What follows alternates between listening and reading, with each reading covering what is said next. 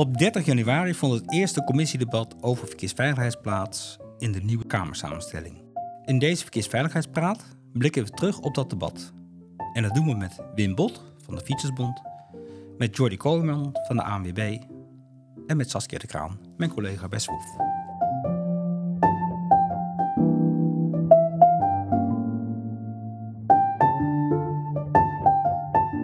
Welkom allemaal. Dankjewel. Ja. Nou, jullie hebben het eh, debat bijgewoond en mij viel het in ieder geval op dat alle partijen het in ieder geval belangrijk vonden dat het beter moet gaan met de verkeersveiligheid. Want we hebben het gezien, het gaat echt de verkeerde kant op. Los van dat statement, hebben jullie als algemeen beeld iets gemerkt over de nieuwe samenstelling van de Kamer en of daar een nieuw geluid uit uh, voortkwam? Wat mij opviel was dat er eigenlijk meer partijen aanwezig waren dan we de laatste jaren vaak gezien hebben. Er waren nu acht partijen aanwezig. Vaak zijn het er maar vijf, dus dat is op zich positief. Wat mij erbij opvalt is dat juist de partijen aan de progressieve zijde vaak ontbreken. Dus D66 was er nu niet bij. Partij voor de Dieren niet. SP niet. Volt niet. En dat vind ik toch wel opmerkelijk. Ik vond de inbreng kwalitatief niet afwijken van de discussies in de afgelopen jaren. En je ziet, ja, sommige nieuwe Kamerleden zijn al redelijk ingewerkt. Andere moeten echt nog ingewerkt worden. Dat verschil zie je wel. Maar in onderwerpen zie ik geen belangrijke verschuiving optreden. Maar dat is wel opvallend dat je zegt de progressieve partijen die zijn steeds minder aanwezig. En nu waren het vooral de partijen aan de rechterkant. Maar de onderwerpen zijn dus nog wel hetzelfde gebleven. Ja, maar ik vond uh, ook in de vorige periode uh, zag je dat vaak de coalitiepartijen het meest aanwezig waren. Mm -hmm. En waar de oppositiepartijen vaak ook niet zo heel sterk vertegenwoordigd. En de partijen die ik net noemde, die hebben natuurlijk allemaal verloren bij de verkiezingen. Ja, D66 is meer dan gehalveerd. Dus die stellen ook andere prioriteiten in, in wat ze wel en niet doen. snap ik op zich ook wel. Uh, ja. ja, die moeten ook een beetje wennen aan een nieuwe portefeuilleverdeling. En ja, we hebben gisteren eigenlijk voor het eerst meegemaakt dat GroenLinks P van de A is natuurlijk één fractie geworden. Maar die sprak ook namens D66, zei hij. Dus verder door ja. niemand opgemerkt, maar ja. het is nog nooit eerder ja. gebeurd. Het viel mij ook op en ik dacht, oh, is dit voorsorteren van nog meer samenwerking? Uh... Maar Wim, je zei net, uh, ze zijn gehalveerd, ze moeten andere prioriteiten stellen. Uh, ik noemde bij de, bij de intro al dat alle partijen eigenlijk wel aangaven... verkeersveiligheid is echt een belangrijk onderwerp. Het gaat echt de verkeerde kant op. In algemene zin, de minister gaf in, in zijn termijn gaf hij aan... ja, als ik het echt de goede kant op wil duwen, dan moet ik moeilijke maatregelen nemen. De vraag is dan natuurlijk, welke zijn dat? Ja, en toen werd het in de commissie best wel stil, vond ja. ik. En dat, dat constateer ik eigenlijk al heel lang, dat er weinig fundamenteel debat plaatsvindt over welke keuzes je dan wel en niet moet nemen en welke doelstellingen wel en niet realistisch zijn. Het rapport wat SWOF heeft gepresenteerd over met de doorrekening van alle maatregelen en wat ze opleveren, is nog nooit besproken in de Tweede Kamer. En als je dat wel doet, dan moeten zowel de bewindslieden als de Kamerleden boter bij de vis geven. Dan moeten ze zeggen wat ze daarvan vinden. En dat is toch wel moeilijk, maar denk ik. Ik had wel de indruk dat bijvoorbeeld Ginneris dat wel wilde. Want die zei ook, hè, we hebben net trendbrekers gehad. Uh, mm -hmm. Kan je niet voor de zomer rapporteren uh, welke maatregelen je dan wil nemen en wat het kost? Um, ik kan me best wel voorstellen, uh, het is het eerste debat. Het is voor iedereen een beetje aftasten. Iedereen vindt het belangrijk. Het is denk ik ook voor hen, um, wordt het denk ik uh, spannend hoe je grip kan krijgen om de continuïteit in de volgende debatten en dat je ook de informatie krijgt die je wil hebben om ook uh, beslissingen te kunnen nemen. En dit debat is natuurlijk heel duidelijk, ja, er is geen geld. dus dat maakt ook wel dat je minder de discussie op de spits gaat drijven, want ja, er valt niks te bediscussiëren. Ja, er is eigenlijk niet eens een kwestie van kiezen voor welke maatregel. Voor, want voor geen van de maatregelen is geld. Ja. Maar verwachten jullie dat die Kamerleden dan ook echt willen dat die minister komt met een lijstje met die moeilijke maatregelen? Want daar twijfel ik altijd over, want dat zeggen ze. Van uh, de minister noemt moeilijke maatregelen, nou geef maar een overzicht. Inderdaad, ik, ik zag Ginwis van, uh, van de ChristenUnie zei dat. Uh, Heuting van de PVV vroeger ook om, maar daarvan die, die was vooral bang voor die moeilijke maatregelen, volgens mij. Wat zouden dat voor moeilijke maatregelen zijn dan? Ja, zelf vind ik altijd een beetje een moeilijke maatregelen, eerlijk gezegd, een beetje een soort dooddoener om hem zo te positioneren. Want dan denk je allemaal van, oh, dan moet ik aan het meest extreme denken. Terwijl we natuurlijk ook gewoon maatregelen kunnen nemen die misschien moeilijk zijn in termen van geld. Hè? Dus we kunnen gewoon uh, de veilige infrastructuur, ja, die is misschien moeilijk, maar dat is geld. Uh, andere zijn misschien moeilijk, dat is draagvlak. Um, volgens mij is het goed om dat lijstje wel op tafel te leggen. En ik denk dat de partijen, ik, ik geloof dan misschien naïef, dat partijen dat ook wel willen. Kijk, dat je dan misschien niet de maatregel SEC gaat uh, uitvoeren, maar je hebt wel de discussie over de maatregel en dus ook over de bandbreedte met elkaar. Waar vinden we elkaar nou wel en waar vinden we elkaar nou niet? En volgens mij kan dat het beste als er een bal op het speelveld ligt, want dan ga je ook gericht de discussie voeren.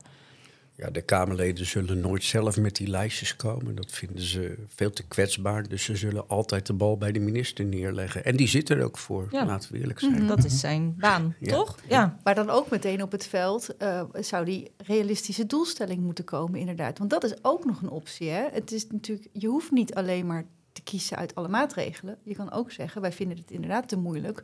Maar dan gaan we de ambitie wat realistischer maken. Want dat, dat is wat ik heel lastig vind. Ja. Eh, de, de tegenstelling tussen en we vinden verkeersveiligheid heel belangrijk, dat zal altijd blijven, maar we willen echt die trend keren. En vervolgens, ja, inderdaad, we missen de boter bij de vis. Want wat gaan we dan doen om die trend te keren? En dan inderdaad, dan, dan blijft het stil. Maar verwachten jullie dat dat in de komende tijd... Ik begrijp dat het nu lastig is met de formatie. En, maar verwachten jullie dat de komende jaren daar wel uh, stappen worden genomen? Ja, dan moeten we eerst natuurlijk kijken of deze formatie slaagt en of ze daarin in een regeerakkoord ook iets gaan zeggen over verkeersveiligheid. Dat zou kunnen. Ik denk wel dat het onderwerp in discussie zal blijven en dat het ook wel over die ambitie zal gaan. Dat kan bijna niet anders. Maar waar het toe leidt, durf ik op dit moment niet te zeggen. Ik vind het wel heel belangrijk, en dat heb ik in het debat gisteren niet echt gezien, als je het hebt over reële doelstellingen, dat je echt onderscheid tussen doden en ernstig gewonden moet maken. En misschien zelfs ook met eerste hulpslachtoffers. Uh, omdat je, denk ik, met een algemene doelstelling eigenlijk al onrealistisch bezig bent. Dus je moet daarin differentiëren. Daar geloof ik heilig in. Ik denk al jarenlang eigenlijk dat uh, de trend van uh, gewonden onder fietsers eigenlijk bijna niet te keren is door de vergrijzing in de samenleving. En alles wat je, wat je terug kan dringen is meegenomen. Maar een, een, een doelstelling van halvering van het aantal ernstig gewonden is in mijn ogen bijna niet meer vol te houden. Hoe hard het ook klinkt. Nou, ik kan, ik kan je wel heel erg volgen. Ik heb er nog nooit zo over nagedacht. Maar uh, als je ook de trend van de verkeersdoden ziet, dat is meer een stagnerende trend. Dus het, is, het blijft gelijk. Um, dat is denk ik makkelijker om daar een scherpe doelstelling op te bereiken dan een, een stijgende trend. Want ernstig verkeersgewonden stijgt, en niet zo'n klein beetje ook. We verwachten dat het in 2040 misschien wel verdubbeld is. Ja, ja dan is halveren bijvoorbeeld veel grotere opgave.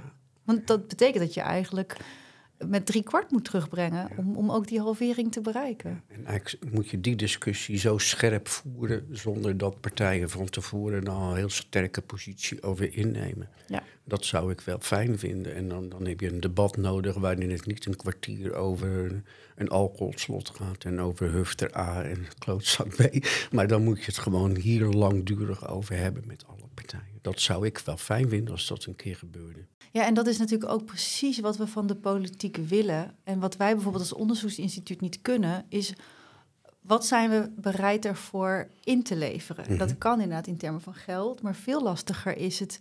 Zijn we bereid daar andere maatschappelijke doelen? Dus het blijft een afweging, hè? want we willen graag dat Nederland blijft fietsen, dat onze ouderen blijven fietsen. Dat is ontzettend goed voor duurzaamheid en voor beweging. We willen de ouderen actief in het leven laten staan. Maar ja, hoe, hoe wegen we dat tegen de verkeersonveiligheid? Ja, ik ben het helemaal met je eens. Dat zou ik een hele mooie discussie vinden als daar de ruimte voor komt. Je zei dat uh, langer blijven fietsen is belangrijk. De fatbike, die kwam daar ook even om de hoek kijken. En dat, is, dat werd niet echt als, gezien als uh, veilig fietsen. Is het ook niet. nee, ja, onze achterban maakt zich er heel veel zorgen over, met name in de grotere steden. En dat bleek gelukkig gisteren tijdens het debat ook wel. Er was ook wel een brandbrief van een aantal steden uitgegaan. En vier van de acht partijen hebben aangedrongen op uh, een meer actieve opstelling van de minister om overlast tegen te gaan. En was dat van links naar rechts? Ja, ik heb het genoteerd. Het waren SGP, ChristenUnie, BBB en Nieuw Sociaal Contract. Die vier partijen hebben daarom gevraagd. Maar hij bleef een beetje hangen, hè? Ja.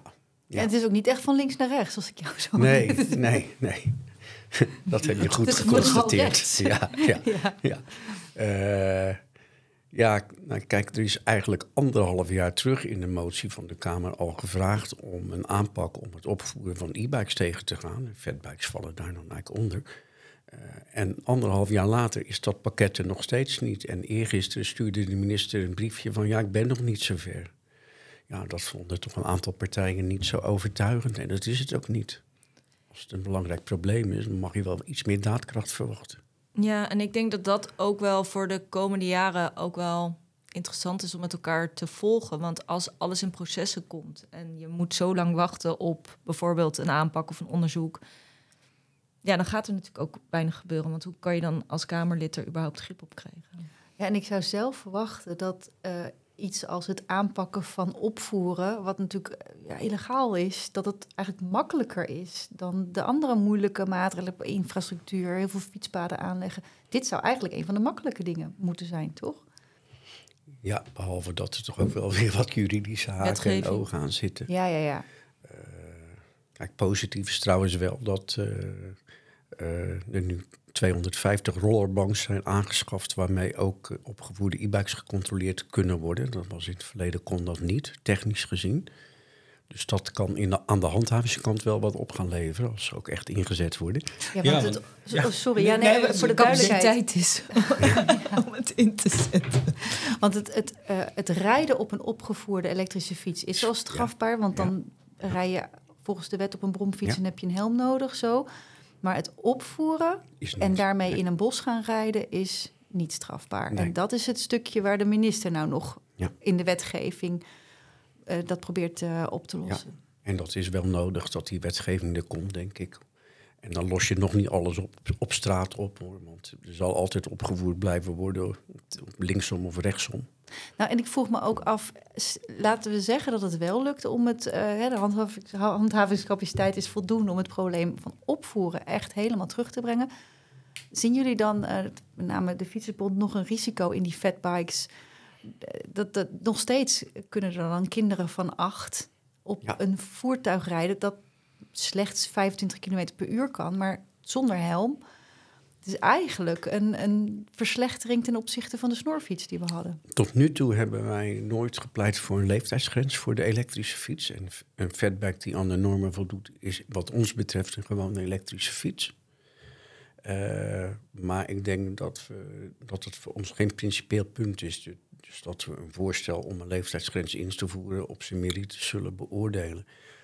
Het is natuurlijk wel zo dat zeker in, eh, buiten de Randstad eh middelbare scholieren vaak langere afstanden naar school moeten fietsen en dat tegenwoordig vaak op een e-bike doen.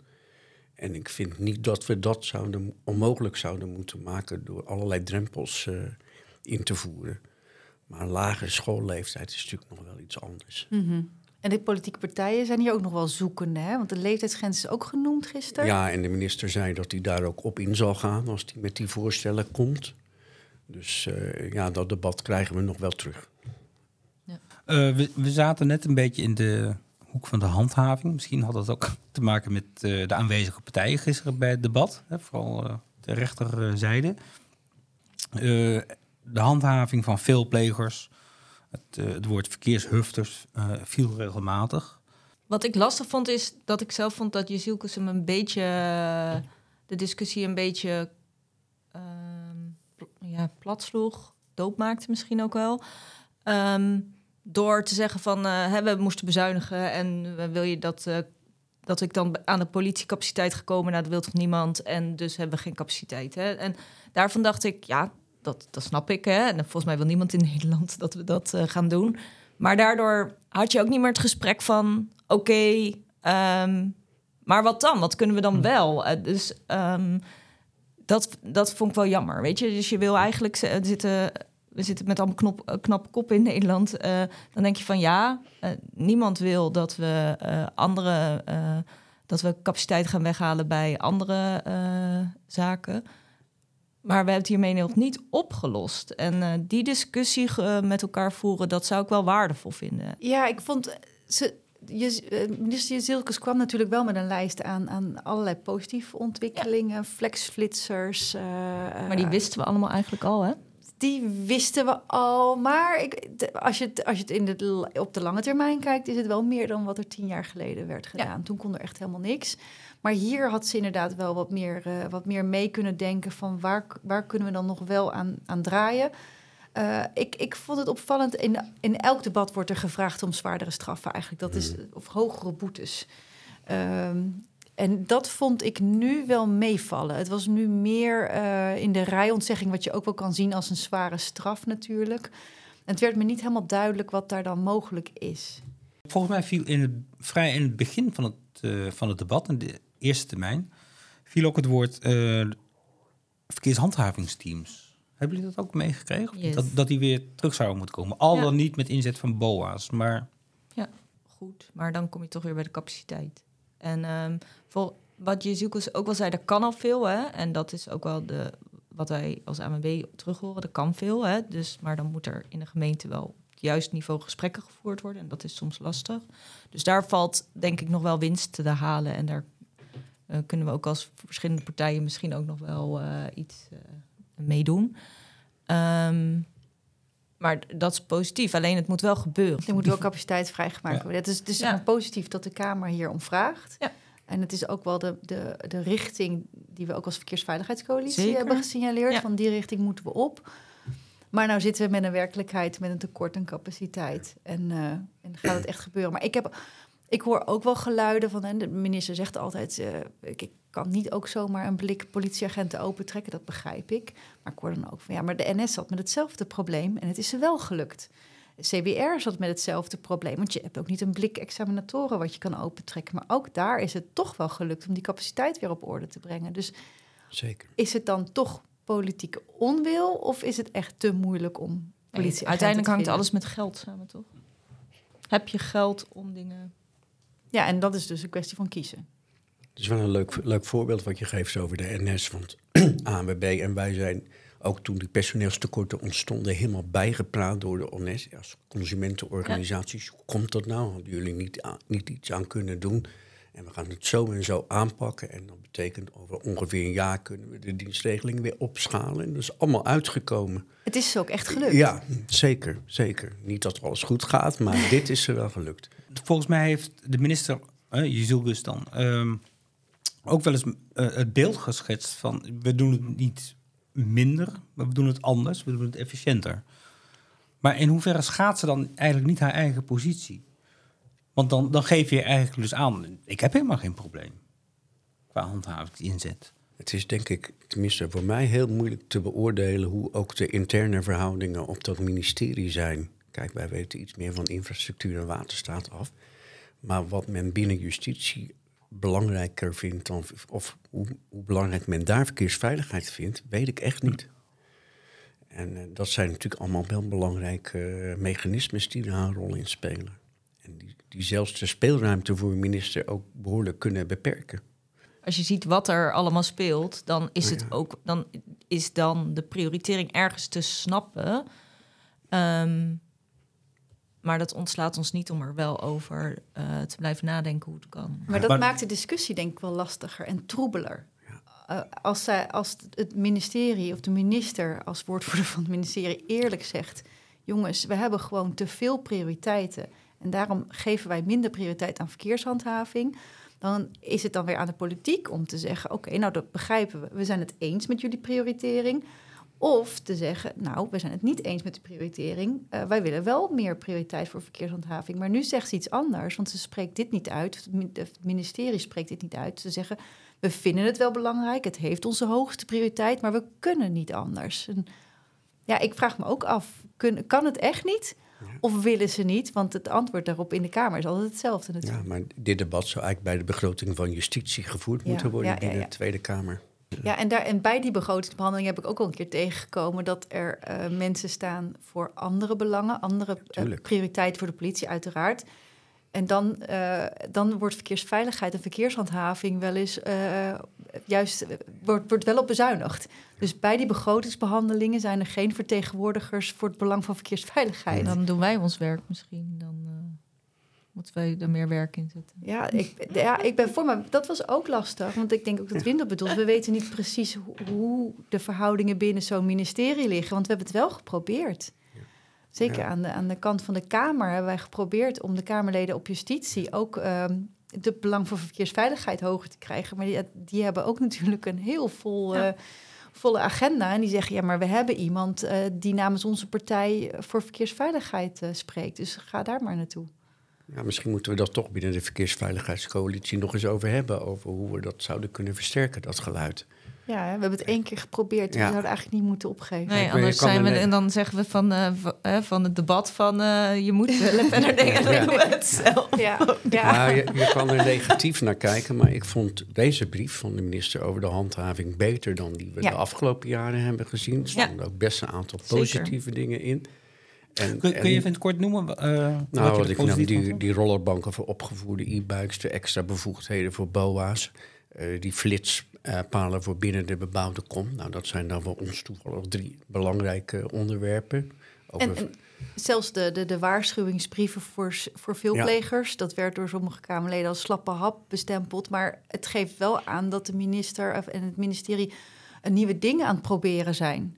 Mhm. En dat, dat geeft dan weer, dat lijkt wel te suggereren dat ze het belangrijk vinden. Want zal ik misschien even die, uh, die brieven die, uh, van, uh, voor veelplegers even toelichten? de minister vertelde over een pilot waarin veelplegers, dus dat, dat zijn bekeuringen op kenteken, die, die meerdere malen bekeurd worden voor kleine administratieve overtredingen, dat die dan een, een, brief krijgen van de politie met een waarschuwing van we hebben je in het vizier, pas op, je bent echt een veelpleger en we houden je in de gaten.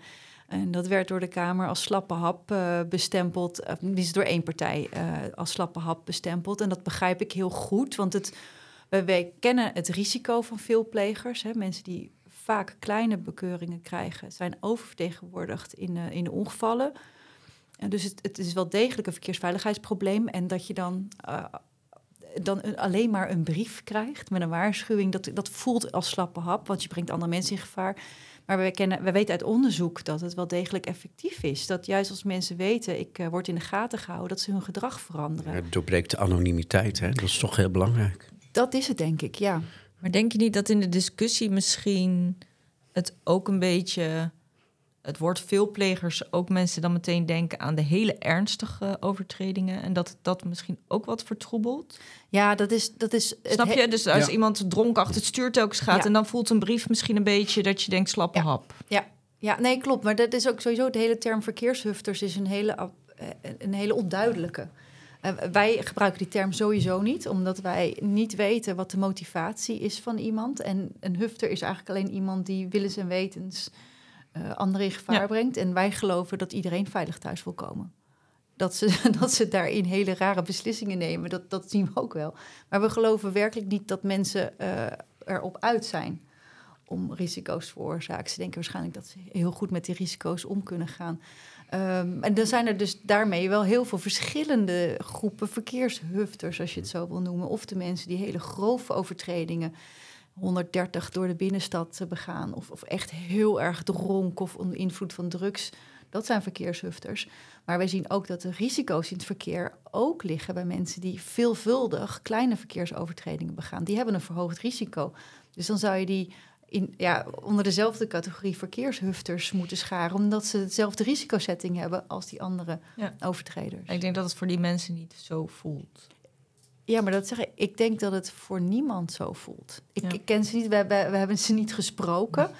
Maar ik kan me gewoon niet voorstellen dat er mensen zijn, zelfs als ze uh, met 170 over de snelweg gaan, denken: dit zou wel eens in een gruwelijk ongeval kunnen eindigen. Dat denk ik niet. Ik denk dat ze in die auto stappen met een, een nou ja, je kan het grootheidswaanzin noemen, maar dat ze wel ervan overtuigd zijn dat ze veilig aankomen. Ja, en een ander ook niks aandoen. En een ander ook niks ja. aandoen. Ja. Maar Jordi heeft denk ik wel gelijk dat in de politiek uh, de nadruk heel sterk ligt op dat beeld van die verkeershufter die dronken achter het stuur zit en 180 rijdt of zo. Ja, ja. En dat is eigenlijk het frame dat daarbij hoort en niet die kleine Ja, ja en daar ligt, daar ligt misschien ook een taak voor ons. Ja, want hun beeldvorming is natuurlijk heel erg beïnvloed door wat er in de krant geschreven wordt. En dat zijn deze excessen.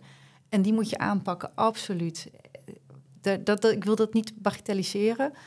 Alleen het is, als je in het totaal kijkt, hè, de cijfers die we gehoord hebben gisteren, 745 verkeersdoden, meer dan 8000 ernstig verkeersgewonden, dan zijn die verkeershufters uit de krant zorgen maar voor een klein aandeel van die ellende.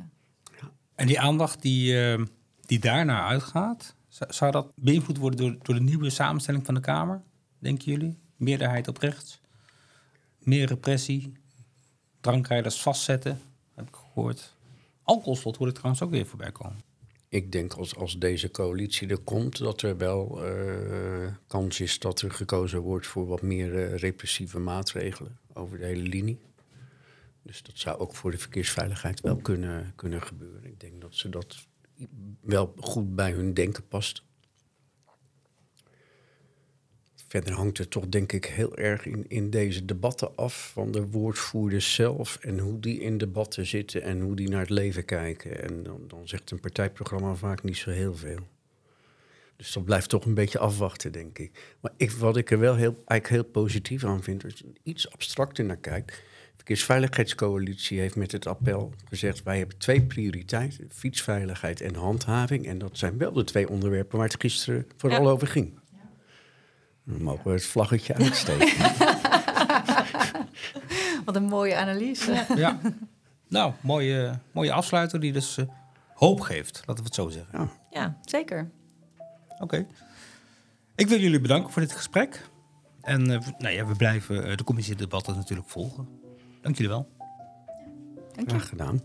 Heeft u een vraag over verkeersveiligheid of over het verkeersveiligheidsonderzoek? Spreek hem dan in op het antwoordapparaat op swof.nl slash podcast.